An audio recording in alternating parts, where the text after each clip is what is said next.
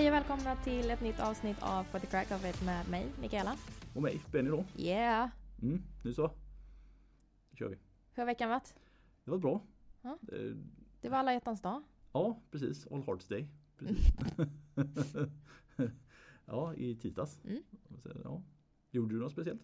Jag åt godis Låt god. Ja, jag och med. tränade. Ja, jag med. Jag lärde mig eh, grunderna till ring muscle up. Ah, Kunde jag utföra? Nej. no. ja. Jag har haft en period här nu. Jag har råkat titta på någon Youtube-video som jag förklarat för dig. När, när folk som gör fel som har skadats i gymmet. Ja. Och nu får jag ju bara förslag på sådana hela tiden. Och så blir man lite Ah. nyfiken så man får titta. Och jag, jag såg någon igår som skulle försöka göra just en sån här som du beskriver med, med ringar va. Ja. Och det, åh, my god, vilka skador de drar på sig. Det är lite guilty pleasure. ja, men, Men, det det, är det. det är också så här, det är, det är en gamble hur mycket, alltså om man kan se den eller inte. För jag mår ju, jag mår ju dåligt fysiskt. Alltså, Alltså det kryper i kroppen, jag får ont i magen. Jag kan till och med få huvudvärk om jag tittar på för många. ja, precis, jag, Det är som att min kropp bara, mm, nej. jag, har- jag har ju två saker framförallt. Som, och det, det är ju när leder ger med sig. Mm. Alltså så här, alltså när man hoppar ser ur led. hoppar ur led, ja precis. Mm. Och i synnerhet då typ armbågen. När den liksom viker Ja men det är ju över. din äh, egna Ja, grej. ja den, den, det är så där, nu bara när jag nämner det här så mår jag lite fysiskt dåligt. Jag, tå- jag tål inte den. Nej. Jag har ju en dålig vänsterarmbåge som gärna är liksom att kittla på den gränsen. Så att, Ja. ja. nej, jag tål inte den. Jag har ju sett, eh, det, det har jag tagit med dig, men, men min värsta för tillfället är ju någon snubbe som gör en eh, backsquat med low bar. Mm. Och eh, båda underarmarna går av. Har just fått så typ jellyfish arms. Eller Nej typ, men alltså Ja. det värsta är ju inte så här typ att den bara händer utan det värsta är att han reagerar på att någon, typ stången försvinner innan han känner smärtan. ja, jo, Så att de klipper ju liksom filmen efter att man ser hur händerna bara försvinner och det stumpar. Och Ja, hur han tittar bak. alltså det är ju en sån massiv chockeffekt på det skulle jag tro. Och så fruktansvärd chockeffekt. Ja, ja. Men det, det, det är som du säger, exakt en sån här guilty pleasure. Man, Mm. så här, du vill inte se det men du kan inte riktigt låta bli heller. Exakt, exakt. Och så, så sitter man där och bara vill jag, kan jag? Och så sitter man och typ svävar med tummen Ja, om att så här, ska jag, ska jag Ska man, se, vidare? man vet vad som kommer men ska Mm, man, ska man, ska mm. man. Ja. Och sen så typ när, när man ser det så alltså jag är så nära på att kasta min svindyra telefon rakt in i väggen för att jag bara "Åh!" Ja, nej, nej, nej, nej, nej, nej, de är, ja, de är, de är speciella. Så jag har haft lite mycket sånt nu. Och jag såg ju som sagt en sån där med ringarna. Då var det ju en axel som poppa. ja, Mm. missbedömer lite. Försöker att snärta sig upp och så. Det. För det roligaste med och dem är ju när man gör en mig. Mm. Alltså när man bara trillar ner. Och Ja. bara flyger i luften. Ja. De tycker jag är rätt roliga. Men Ja, det är för att ja. jag har gjort en sån själv.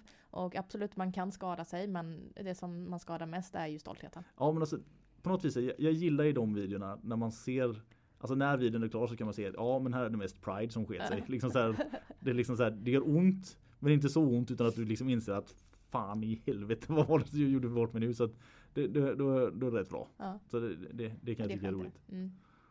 Men eh, ja, det var ju min eh, alla hjärtans dag i alla fall. Mm. Inte skador. Inte skador, nej inga skador, nej men bra. Mm. Jag, jag tränar också på All Hearts Day. Mm. Det gjorde. Och det gick bra. Jag faktiskt gjorde lite ändringar i mitt upplägg i hur jag tränade rygg där. Så jag fick otroligt bra isolering. Så jag har ett ganska bra träningsverk här. Till och med fortfarande kvar lite. Så det, ja, så det känns, känns bra. Nu tyckte du så bred ut. ja precis. Jag får lite så här imaginary lat syndrom bara smyger sig på sig helt plötsligt. Mm. bara tack vare svullnad i axeln. Men du fick ju vända dig så att du gick sidleds in genom dörren. Ja, precis. ja men det, det, det är We big guys. Det är så här få, få förunnat. Det är bra att inte magen är så pass stor så att inte kommer in överhuvudtaget i alla fall. Utan det är liksom bara Det är bredden. Ja, det så här, då man klarat måste Man kan alltid suga in magen, det kan man ju inte med latsen. Nej, de är som de är. Så man tvingar dem att liksom sticka ut lite. Så att, ja, nej, lite IML, det är jobbigt. Så, här, tung börda att bära på. IML, Imaginary Lat Syndrome. ILS. Ja, det kan man säga också. ILS. Det kanske låter bättre. ILS. Ja men IM, det är Ja. såhär imaginary. Det är två, ja det, ja, det är förkortningsfel, det har du Ja. Ja. ILS. ILS. Jag fick inte ihop det alls. Nej, jag nej, bara, nej. Jag, jag kände själv när jag sa det att det lät lite fel. Så det det är lät nog, jättefel. ja, så det är nog ILS. Jag får erkänna. Det är ILS. Tur att det inte är någon så här viktig åkomma egentligen. som avgör hur bra man är på sitt kliniska arbete i alla fall. Så att jag inte behöver skämmas. Men Det är ILS. jätteviktig Ja. åkomma. Nej, så att jag, jag går och dras med lite jobb i ILS just nu. Mm. Så här. Mm. Det, det är tungt. Skönt. Får min stolthet sig en liten turn här. Så här. Ja, fat so. så här. Titta nu gjorde du det ja, där det- igen. just- Ja, precis. Degrading myself. Ja, Nej, men det är som sagt en, en det är bra... inte jag. Nej, inte bara du. Nej. Ja, det, det har varit en bra vecka faktiskt. Ja. Sen eh, fick jag Jag fick ett sms från min fru i tisdags. Jag, jag missade, hon, hon ringde mig vid lunchen. Jag missade när jag var tränare. Mm. Så du fick köpa 12 dussin rosor? Nej, jag fick en så här hint om, så här, bara, om att åh, inte ens på alla hjärtans dag svarade telefonen. För jag kan vara lite dålig på det ibland. När jag, när jag inte hör den. Och så lägger hon till så här, ja men jag tror nog att det är för att vi är och köper en kladdkakebakelse som de har med hem. Alltså det var så här, dryper av hint i hela hela smset. Så, att jag, du missade? nej, nej, nej, nej, nej. Det- Där såg jag att varningsklockorna ringde hårt där. Så att, nej, jag, jag, tog, jag tog faktiskt med mig det hem. Så Ja, det gjorde, så att vi, vi Det hade varit lite. jätteroligt om du glömde. Ja, och sen fick bomma det. typ köpa tre i onsdags. Ja, ja, eller hur. Så här, bara kompensera upp det hela lite. Så, nej, nej, det var, det var, det var en trevlig alla hjärtans dag. Det Ja. var det. Ja men mysigt. Mm, det var faktiskt bra. Sen har vi haft, är det som alltid, vi har lite träningar och så här. Vi hade ju lite hårda matcher i helgen så Kasper har spelat. Mm. Så där, det var skönt att ta en lite lugnare vecka och bara träna lite själv och vara med lite på träningar och sen fika lite hemma. Det är sånt där som man gillar. Förgyller sin vardag lite grann. Mm, Det är inte så mm. dumt. All right. Ehm, vi skulle prata om eh, inflammatoriska tillstånd. Yes. Traumatisk Ska- paus. Ja, da, da, da, da, så här innan, innan det kommer. Ja, precis. Lite så här inflammatoriskt. tillstånd. Både sådana som är kanske framförallt systematiska och sådär. Mm. Där, där kroppen liksom är jävlas lite. Jag ser att du har en lista framför dig så du har ju preppat. Mm. Lite så här, men det, det, alltså när man pratar om inflammatoriska systemsjukdomar och sånt där. Så är det är ju, reumatism är det som man oftast förknippar med eller som gemene man Mm. i alla fall känner till. Mm. Och det, det har man ju en del patienter som kommer in med. Mm. Olika var- varianter Ja. av eh, reumatism. Liksom. det, det är faktiskt jag, jag känner Men- ja, Kan, kan vi börja med att bara bryta ner vad inflammation är först kanske? ja. Alltså det, inflammation är ju egentligen bara ett svar på en retning. Mm. Det är kroppens sätt att läka. Ja, Det, en inflammation är ju bra i många fall. eller ska ju vara bra. Men exakt. Precis. I många fall. Mm. Ehm, och det är ju så här, ja men säg att du får en speta eller du skär dig på fingret. Precis. Inflammationens funktion är ju att låta eh, kroppen läka på snabbast möjliga sätt. Mm. Eh, såväl som döda eventuella bakterier. Exakt. Vad som blir fel Mm. är ju, och, och det här gäller ju också så här i eh, leder eller överansträngning. Ja, Eh, såklart precis. att man ska, liksom, man ska vila, det gör ont av en anledning. Mm. Det, det är kroppens sätt att säga hit men inte längre. Nej precis nu. Och det är normalt och det är positivt. Mm. Ibland kan det dock gå lite fel. Ja. Eh, och det är de gångerna vi kommer prata om nu. Alltså när kroppen skapar inflammationer där det inte behöver vara inflammationer. Det, det är När lite som kroppen att, börjar angripa sig själv. ja, det är lite som att kroppen blivit förvirrad och börjar se liksom dåliga saker i friska vävnader. Eller sådär. Alltså att den börjar liksom angripa sig själv lite Ja grann. men kroppen har blivit lite Alzheimer. Ja, lite, här, lite dum sådär, på det viset. Ja, och då, då liksom sätter det igång. Och det, in, alltså jag visste ju vad reumatism var. Man har hört talas om det även innan man gick utbildningen och sånt där. Men uppsjön av varianter som det det, finns. många. Ja, det, det är så otroligt många. Vi kommer inte Det, att men det spalta upp går ju alla. inte heller att lära sig alla om du inte är reumatolog. Ja, nej precis. Så att jag, jag avundas inte deras arbete ibland. Alltså när det är, när det är svåra fall sådär. De har en massa olika saker som, som ska hända. Och i stort sett inflammation, ja då ska jag till reumatologen. Så att, bara, ja, det är ungefär som om någon kommer med ett stort fett pussel i en plastpåse och bara häller ut, nu kör vi. Och så ska du försöka hitta exakt rätt kombination där. Exakt. Och ja, ja, det, det är inte lätt. Utan bilden. Ja precis, den bilden finns inte. Nej. Du får bara prova dig Du får fram en här. påse med pusselbitar. Har du tur så kommer det från samma pussel. Ja. Och dessutom så kan pusselbitarna passa på olika ställen. Mhm. Så att det kan liksom säga för att om du inte gör helt rätt så blir det fel. Så, ja, ja det, den är svår. Men det är som sagt reumatisk verk. Mm. Är det ju. Mm. Och de har ju en tendens till att gå lite i skov. Mm. Sådär. Så att man, man har perioder när, när man mår sämre, alltså man har mycket verk. Och det kan också vara lite så här roligt. Jag har, jag har en hel del patienter med just reumatiska problem som kommer vid lite olika tillfällen och försöker få hjälp. Så här, och det kan vara ganska lynnigt med hur, hur de mår. För det, även att det nu följer vissa cykler och sånt så är det inte alltid att det är så lätt att veta när det ska dra igång. Nej, Ja. och ibland kan det triggas av utomstående orsaker också. Ja, eller hur? Så att en del, en del triggar ju skov vid behandlingar. Ja, precis. Tyvärr. Ja, alltså det, så är det. Och det, det är några av de patienterna som jag har ju gått hos mig i kanske en tio år Mm. med jämna mellanrum man försöker hjälpa dem lite. Och de, de har ju så pass bra så kroppskontroll och sådär. Så att de, de känner ju av lite hur deras status är. Så att, eh, framförallt en, en eh, kvinnlig patient som jag haft i många, många år. Hon kan ju oftast komma hit och så säger hon innan vi börjar så här, ja Benny idag är det så här och så här. Och då, då får vi ändra behandlingen efter det för att vi kan inte göra allt det som vi kanske hade gjort annars för att då kommer hon må sämre. Mm. Man får börja skala ner lite grann. Man får börja prioritera vilka saker man tar Mm. och hur mycket man behandlar och kanske vilka områden man behandlar. Mm. Mm. Och något som kan kännas som att det här skulle behöva behandlas men det är så inflammerat och irriterat så att Vi kan inte göra det nej, man, får, man får bara liksom låta det vara. Och det, det som terapeut är det jävligt frustrerande. När, Mm. när man ser någonting, ja, men det här skulle kanske behövas men situationen är bara sån att det går inte. Ja, jag tycker det är nog mer frustrer- frustrerande med eh, som terapeut när man ser det. Men patienten förstår inte. Nej, den, den, är, ju, den är ju klart jobbigare. Mm. Klart jobbigare. För att hur man än vänder och vrider på det, en, en, en bra reuma, reumatisk patient är ju en patient som känner sin kropp och som förstår ehm, riskerna med vissa grejer. Mm. Eh, som gör en risk-reward analys själv.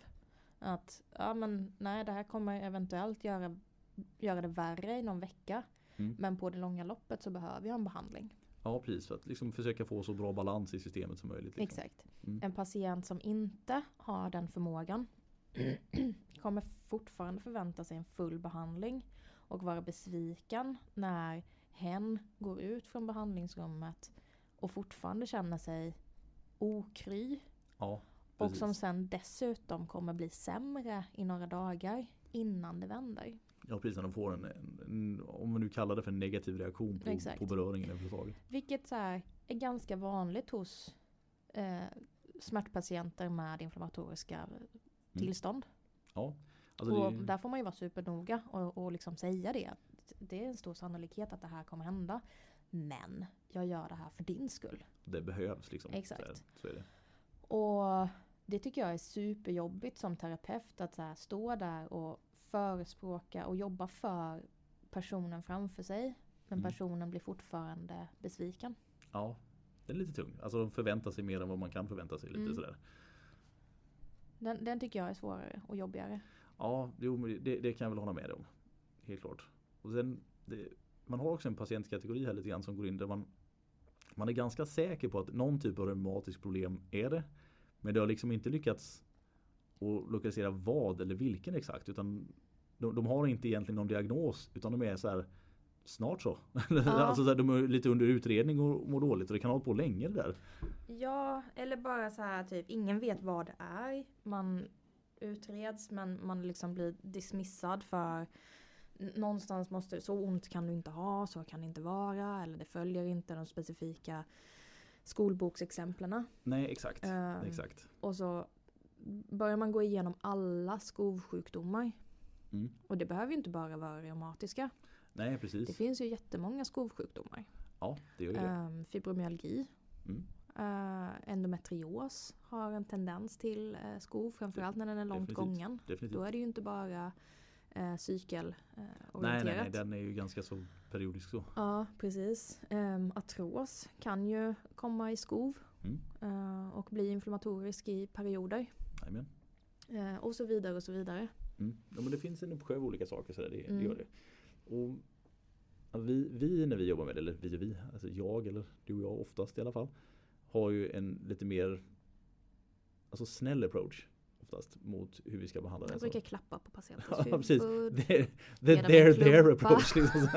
Ja. De får en klubba när de går ut. ja, precis. Bamse-klistermärke. Och, alltså, när, när man började den utbildningen som vi har gått, Mm. så, när man har gått sina år och sådär, så man har ju en bild över hur, hur man botar patienter.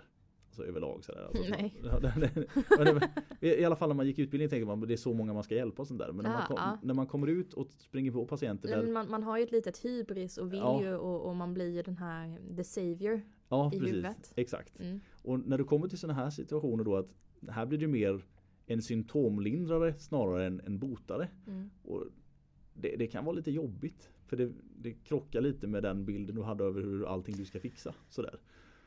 Framförallt i början. Ja, jo, i början. Mm. Ja, i början. Jag, Mm. jag ska inte säga att jag fort, alltså, har samma problem fortfarande. nu X antal senare. på sin Ja. I'm El Savior Benny. Så liksom, jag räddar allting. Så, nej. nej, nej, nej. Ja precis, hela tiden. Man, man har ju blivit lite mer grounded på det viset. Eller att man, förstår att man kan förstå nyttan av någonting man gör även om det inte är så att man lyckas få patienten att bli helt bra från sina problem. Mm. Det kan fortfarande finnas en nytta i att hjälpa dem i alla fall. Va? Ja, gud ja.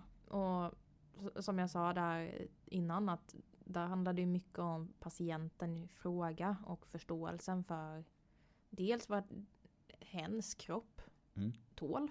Ja precis. Eh, men också att man är tydlig med att så här, jag kan inte göra mer, jag kan inte trolla med knäna. Nej, nej, Jag nej, försöker. eller hur? Eller hur? Ja. Jag gör mitt bästa. Mm. Och jag lyckas ibland.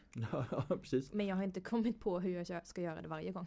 Nej, precis. Utan det är, det, det, det är lite bökigt. Mm. Yrket ska ju vara lite svårt egentligen. Alltså, framförallt när man har med alltså, sjukdomar att göra. Så, så, så är det ju svårt. Ja. Man har sin biomekaniska bild men kroppen reagerar ju inte normalt. Nej. Så då blir det svårt att följa alltså din tankekarta kring hur du ska påverka det för att du får ingen normal respons på det. Och då, ja, då, då blir det som sagt svårt. Mm. Det blir det. Och framförallt då just till exempel vanlig reumatism.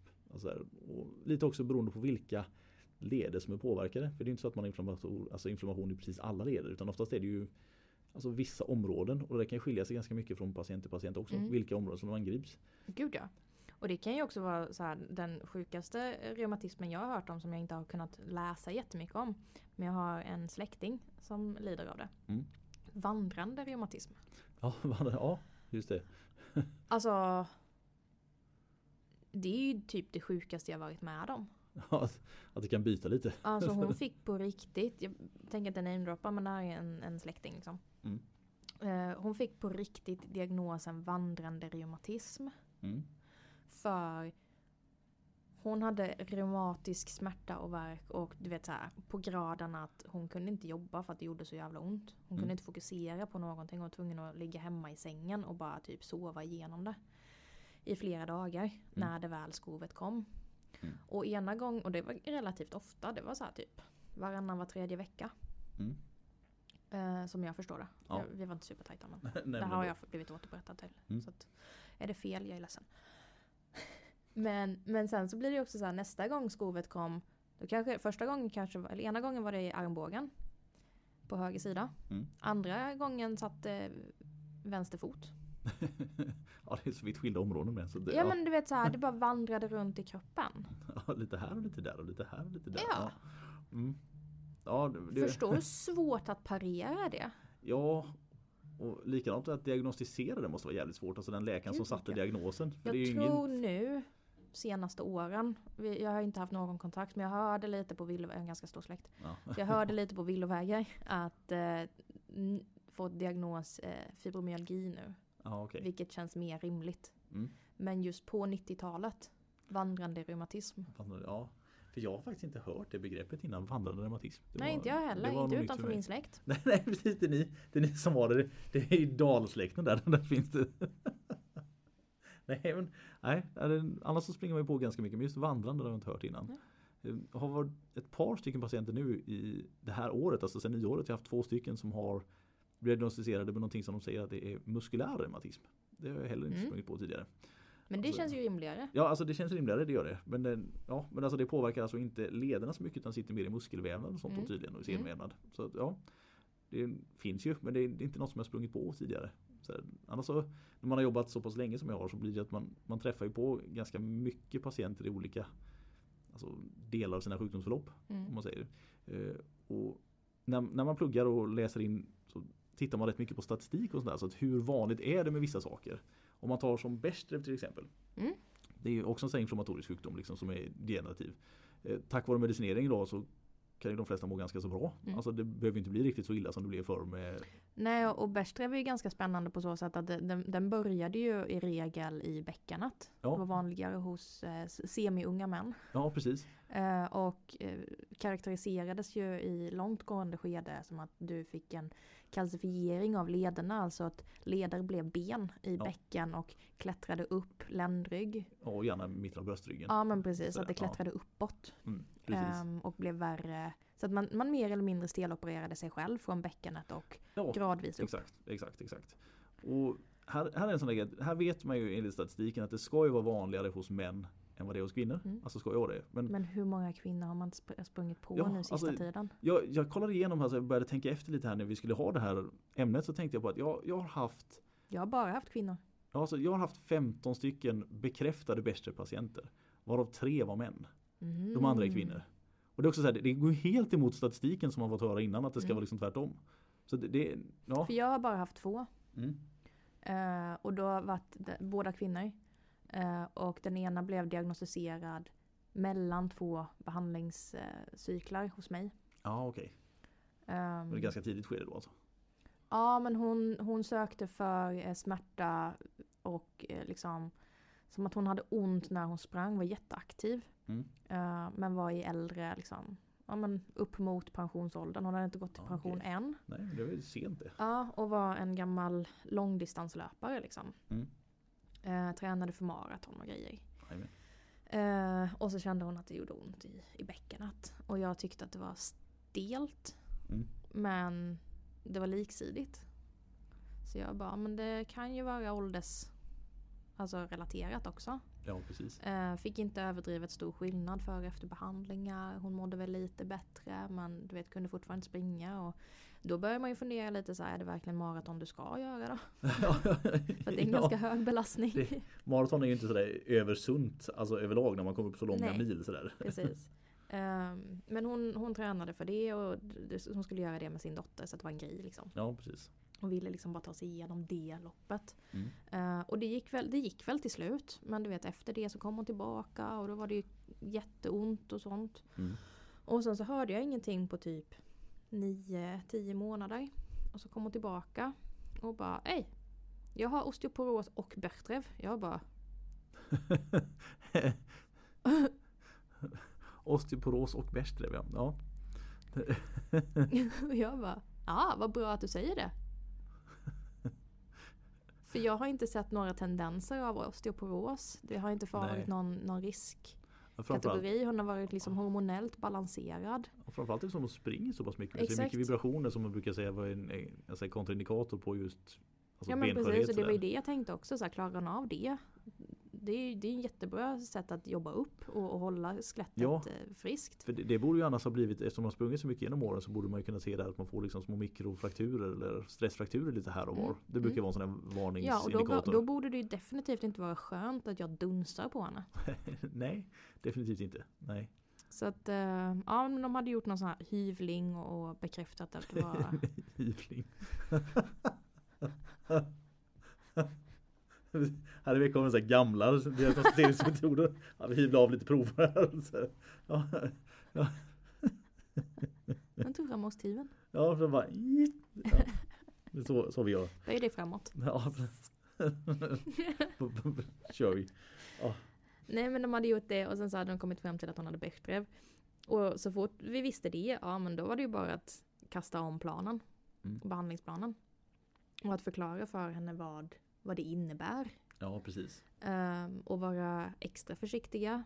Så här, rekommendera att de fortsätter kanske börja träna mer styrka. Ja, precis. Behöver ju gärna komma in lite i det. Exakt. Det är inte skadat. Ehm, men att så här, ja, bara ha den kommunikationen. Mm. Men, men som sagt, åter till eh, grundämnet. 100% av mina patienter med Bechdrev har varit kvinnor. Ja, så att det kan ju finnas att det är en Någonting i vattnet här nere i Växjötrakten. Så Det det kan ju liksom vara så. Eller så är män bara gnälliga på eh, papper. Ja, det kan vara det. Jag på papper. Ja, nej men det är som sagt just det här med att statistik och sånt. att Det är, man har problem när, när man ska ställa diagnoser ibland. Tror jag, generellt. jag har märkt det lite på en del andra patienter som man träffar. Så att om man inte faller riktigt in under ramen att du, du har tillräckligt många av de kriterierna som, som ska förefalla för någonting. Så är det nästan som man man nonchalerar det direkt. Alltså Mm. man släpper det. Så att, ja, säg att du behöver ha Utav tio symptom så måste du ha fem men du har bara fyra. Nej då är det inte det. Nej. Och det, det blir väldigt trångsynt när man tänker så. Ja men Alltså- då måste man ju vänta på att eh, sjukdomen ska eskalera jättemycket innan man ens kan sätta in eller väljer att sätta in bromsmetoder. Ja precis. Det, det, det, det låser ju problemet, blir, tanken. alltså problemet blir ju där att när vi har ett system som vi har nu när det är väldigt lång tid emellan man får träffa alltså personer inom rätt vårdgenre om man säger. Mm. Att om du då ska vänta på att dina symptom ska eskalera innan du eventuellt får bromsa symptomen. Mm, mm. Så Då har det blivit ganska alltså mycket det- värre innan din, det liksom. alltså din, din startpotential har ju blivit försämrad bara just på grund av att ja, vi är lite för fyrkantiga i våra tankemönster. Mm. Alltså sådär. Och det, det kan vara jävligt tråkigt. Alltså, man, man tycker det är synd. Det är jättetråkigt. Men å andra sidan, andra det, det som är roligt att se är ju att det finns så mycket mer behandling för det idag. Mm. Alltså de första patienterna jag hade Den första bästa patienten jag hade var en kvinna som jag träffade redan första halvåret jag jobbade. Och hon var ju riktigt, riktigt påverkad. Det här var ju 2006. Mm. Så att hon var ju så långt gången i sin sjukdomsprocess för då fanns det inte så mycket medicin som gjorde den här bromsproceduren utan hon, hon hade ju mycket av de här alltså, problemen med att alltså, led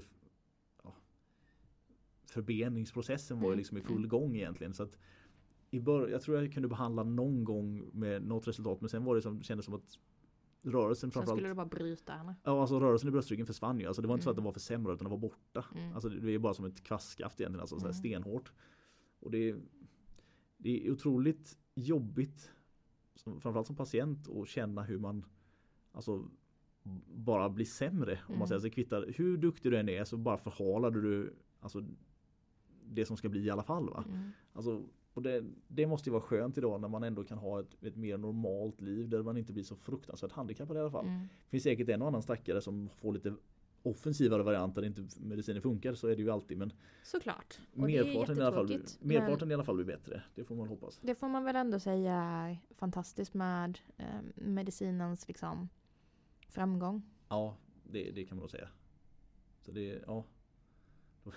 Sen vet jag ju många som så här är väldigt anti.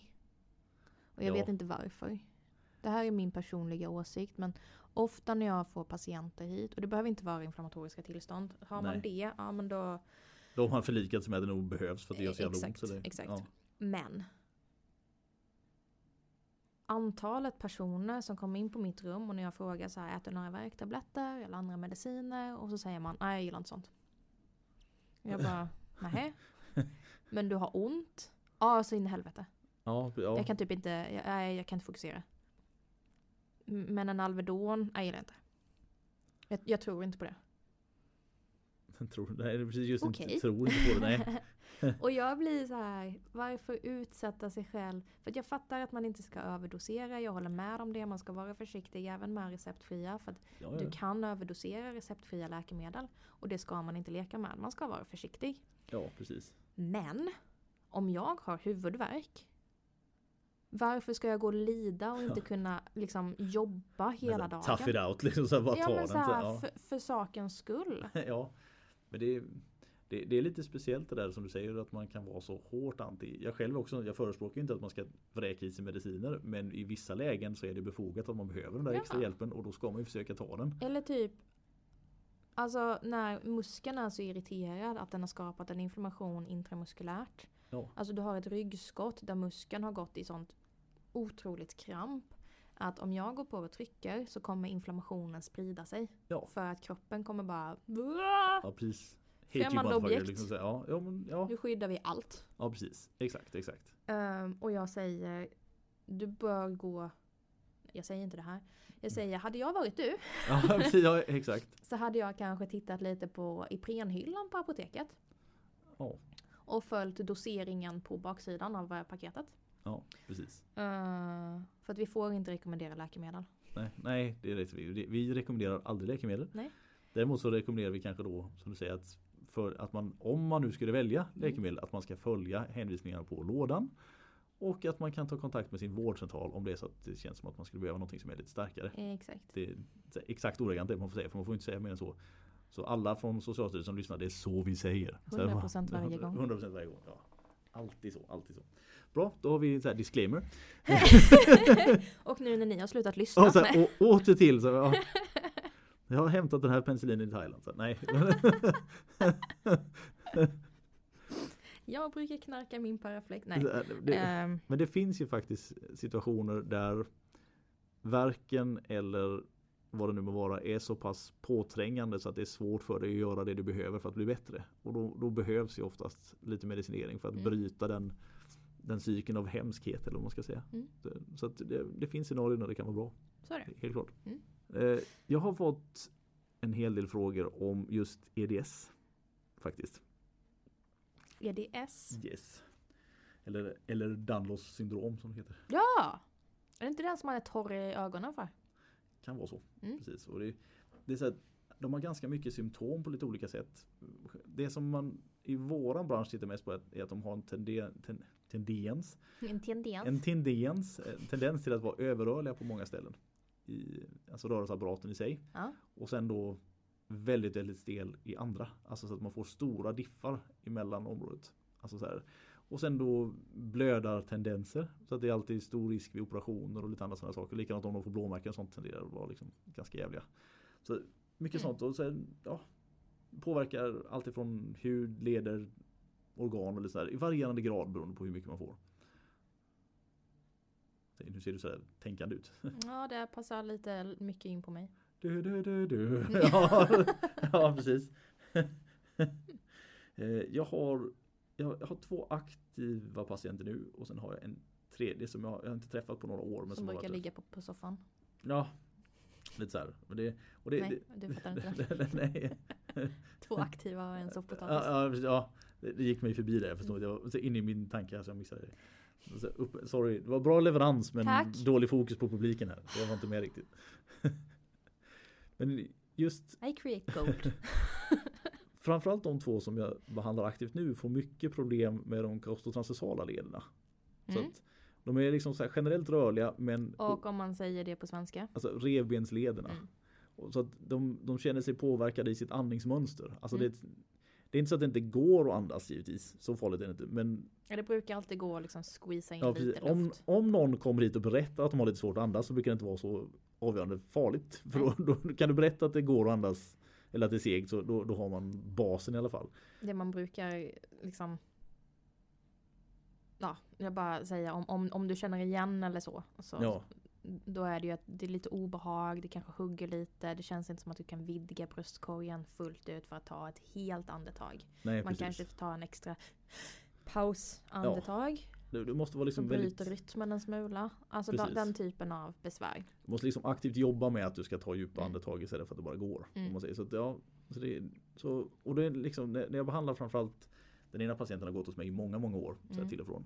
Och kommer in och hon är väl medveten om att hon förmodligen kommer må skit utav behandlingen. För det Mm. blir nästan alltid så att även om jag är riktigt snäll när jag behandlar så mår hon ganska dåligt efteråt. Men Ge henne komplimanger. Och, Ja, lite så här, precis. Och så stryka medårsbehandling så här bara, ja, duktig du är och allt sånt där. Nej, nej då. Det är inget snygga sånt. skor. Ja, precis. Basalt så. Nej då. Lite tur sånt där. Den här patienten är extremt trevlig. Väldigt lätt att göra med. Så att, Ja men då, då är det Så- inte svårt att vara trevlig och snäll. nej, trots att det har en lite dålig lott i livet om man ska säga med mycket smärta och problem och sådär så väldigt positiv person överlag Mm. tycker jag. Så det, det underlättar lite om man ska behandla också.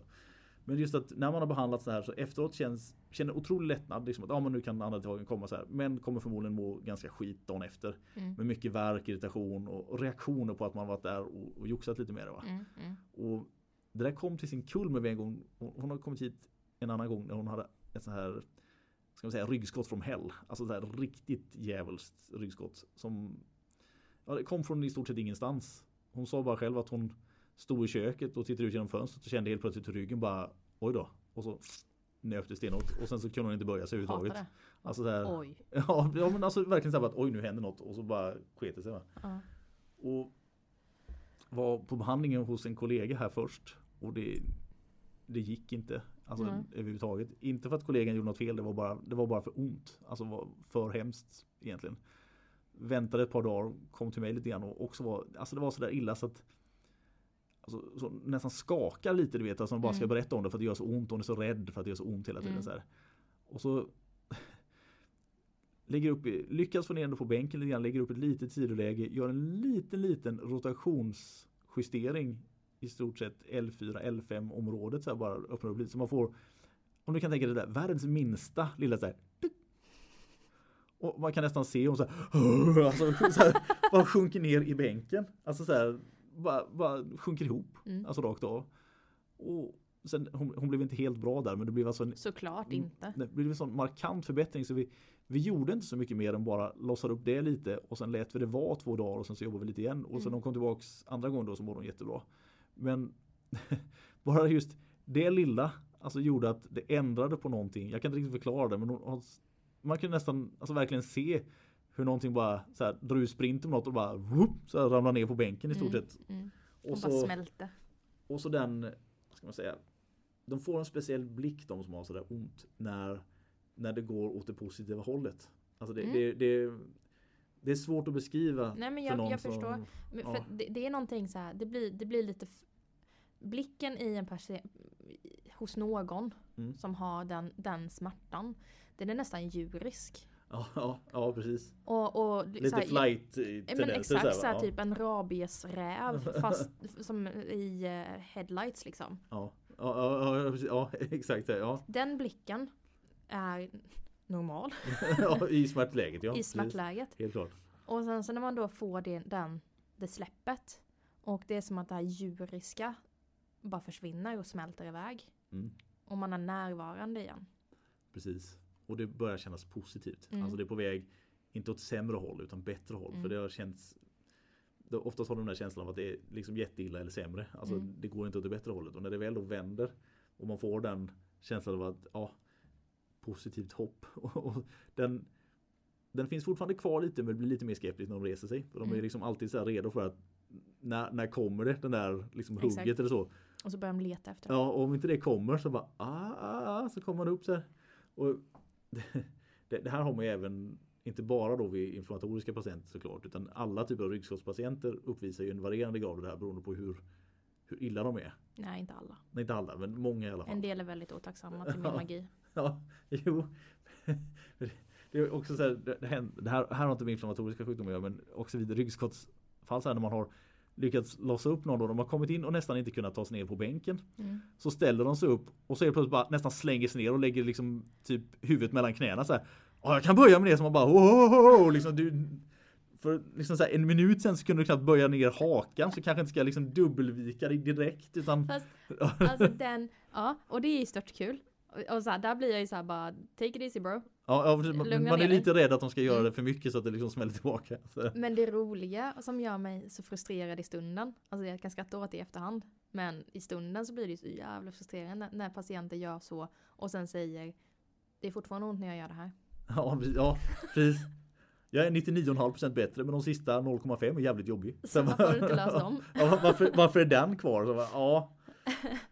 Det är ju hemskt. Så här, Så ja, jobbigt för dig. ja, precis. Jo, men det, den, den är lite tung. sov. Den är lite tung. Så här. Den, den som man har lust att bara kunna gå och lägga tillbaks. Så, så, ja, var det här bättre? Så, var, var pinchiv. Så här, man, så här, orsaken, eller så jag har gjort magi här. Du har blivit så här 99,5% bättre. Och du är gnisslig över den där 0,5 på slutet. Så ja. Ja, Den den kan vara tung. Den är så Ja. här, bara, ja, fast jag kan inte trolla. Nej, alltså ibland är det ju så att även om man får loss saker så det tar ju lite tid innan Ja. allting lägger sig. Man, man skapar ju förutsättningar för att det ska bli bra. Det är inte så att allting bara blir bra direkt. Nej, så är det inte gud, varje och gång. framförallt inte om man har haft länge. Men, Just det. Inflammatoriska sjukdomar. Ja, det var, var lite, var just, jag har fått den frågan just om EDSR om det är någonting man kan göra rent kiropraktiskt med den. Mm. Just för att de, de har fått så mycket information om att de är så överrörliga. mm, Och det är klart att överrörligheten kan vi inte göra så jättemycket åt rent korrigeringsmässigt. För det är det de undrar över. Kan man, kan man behandla med kiropraktiska tekniker på någon som har EDS? om man kan knaka till sig stabilitet. Mm, Svar nej. det, det kan vi inte göra. Vi kan inte knäcka till stabilitet. Det kan vi inte göra. Däremot så kan man ju försöka jämna, eller hjälpa dem att få en så jämn situation som det går. För att bara för att nio leder av tio är överrörliga så betyder inte det att den tionde kan liksom bli lite försämrad rörlighet. Eller någon av de här överrörliga kanske blir försämrad tillfälligt på grund av någonting. Mm. Och att de måste hjälpas för att få sitt Alltså, normala läge. Vad man fortfarande vill ha är ju liksidighet och jäm, alltså, jämn Jäm- rörlighet. jämnhet, liksom. Jämnhet i, Ja. i kroppen. Och det kan vi definitivt hjälpa till med. Sen är väl den stora biten att ge träning. Ja, mycket handlar om Och, det. och där kan ju en fysioterapeut eh, säkert hjälpa Mm. i regel bättre. Ehm, på, på, på sättet att de har mer tid att gå igenom träningsprogram och liknande. Det, det, det, I hur- i, hur I ett perfekt scenario ja. Ja precis, i, i hur deras eh, arbetsdag eh, oftast eh, är upplagd. Mm. Eh, med tillgång till olika typer av gym och liknande. Mm. Ehm, vi kan ju definitivt hjälpa till att göra träningsprogram. Men det är inte alltid så lätt att visa eller göra uppföljning med bara träningsprogrammet eller sådana saker. Nej precis. Eh, så att jag brukar, har man redan en fysioterapeut som kontakt så brukar jag ändå låta dem eh, sköta mycket av rehabiliteringen. Och sen Mm. kanske bara ge, jag tycker att du ska fokusera mer på det här än på det här. Typ styra ehm, patienten i fråga. Ja men det, det är så det blir. Mm. Och det, det är skönt att kunna göra det också. Jag gillar att vara puppet master. Pappa Nej. Ja, precis. Obey me. Så liksom, Thou shall do sin rehab. Så, ja. Förhoppningsvis. Ja, precis. Gud! Åh. Man kan alltid hoppas. Ja, nej, var, Men var det det vi skulle svara om eh, på EDSen? ja egentligen. Är det så att vi, vi kan behandla det men det kommer se väldigt olika ut. Mm. För de har lite olika symptom. Mm. Men det, det går att behandla. Men det är, ju, det är ju som med allting annat att vi, vi man kan ju inte det är inte one size fits all. Nej, det är ju inte det riktigt. Utan det, det må, måste finnas en möjlighet till att ja, forma din behandling efter personen som är där. Inte att du har en standardiserad mall som du följer på alla. Nej. För då, då blir det fel. Utan man måste kunna vara adaptiv. Mm. Det, det är väl egentligen det viktigaste när man kommer ut och jobbar. Framförallt eftersom vi jobbar själva så här. Man har ju inget stort team som man kan fälla över ansvar på. Utan man måste vara Jag brukar fälla över det på dig. ja, förvisso. Det, är väl ett stort team i sig. Men vi har ju inte en hel eh, sjukvårdsinstans bakom oss. Att vi kan Nej. liksom skicka till olika avdelningar och sådär. Utan man måste någonstans börja lita lite på sin magkänsla i situationer. Att vad ska jag göra här och på vilket sätt? Ja men precis och att man för det, det är ju den stora nackdelen för oss som jobbar privat. Mm. Vi har inte möjligheten att remittera. Nej, inte på det sättet. Nej. Det har vi inte. Vi, vi kan ge rekommendationer och Mm. sådär. Och vi har ju kontakter i stan som vi oftast rekommenderar att de ska söka upp och sådär. Exakt. Men vi kan inte skicka en direkt remiss. Det kan vi inte. Nej. Tyvärr. Och det är jättesynd. Mm. Det, gör, alltså det ger en viss begränsning. Det, det man kan se som det stora positiva är att man slipper en hel del av pappersarbetet som har att göra med att vara med de större alltså instanserna. Så att det kan vara skönt. Men, Ja. ja, men just i vissa fall när man känner att här hade vi behövt vara kanske ett team som hjälps åt lite för att man känner att man kan påverka det här men man kan liksom inte, här kan man inte göra Inte allt. Nej, det, det hade varit skönt att kunna ha lite bollningssituation då Mm. med, med andra terapeuter eller framförallt läkare som kan fokusera in mer på sjukdomstillstånden snarare än rörelsefunktionerna om man Mm, säger. mm. Det hade inte skadat men ja. I en, perfekt värld, I en perfekt värld så. Precis. Men så jobbar vi inte nu. Nej. Utan vi eh, kämpar på. I det privata. Ja precis, vi, vi trivs bra i det privata också. Ja. Ska vi, säga. Vi, vi har en ganska bra tillvaro. Så, så att, Ja, ja, det har vi. man, det man ska bra. inte gnälla för mycket. Nej. Mm. Alright. Hade vi gått igenom din lista eller? Jag tror det. Det, var, alltså, det enda jag hade lite mer också som jag fått lite frågor om är endometrios. Alltså, och, du, Ja, och du nämnde det innan lite grann det också. kan, jag, det kan vi ju ta ett helt avsnitt om. Jag tror vi Ja. har nämnt det tidigare men vi Ja. kan ta ett helt avsnitt och bara grotta ner oss. För att det är ju en up and comer. Ja, faktiskt. Den blir ju mer och mer ehm, Det dyker upp oftare. Det gör det. Alltså, Ja faktiskt. precis, nu vet jag inte riktigt vad, vilket ord det var jag var ute efter men, men absolut den blir ju mer aktuell. Mm. Den, den blir mer och mer aktuell. Mer och mer aktuell, ja. Ehm, men jag har en patient här så jag tänker att vi eh, Har du en endometriospatient här?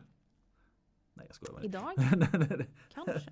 nej men vi, Vi Vi- sparar det till nästa gång kanske. vi rundar av där helt Mm. enkelt. Vi gör det. Och eh, har ni några som helst frågor så är det bara Mm. att höra av sig. Eh, vi finns på Växjö Chiropractorklinik på Instagram och TikTok. Ja, ja precis, precis. Eh, och jag finns på Chiropractor Mickis. Och jag på kilobämpar då. Ja. Och eh, ja, mer än så var det inte. Nej. Ni får ha en fortsatt trevlig vecka och så hörs vi nästa. Det gör vi. Kör då. Hej!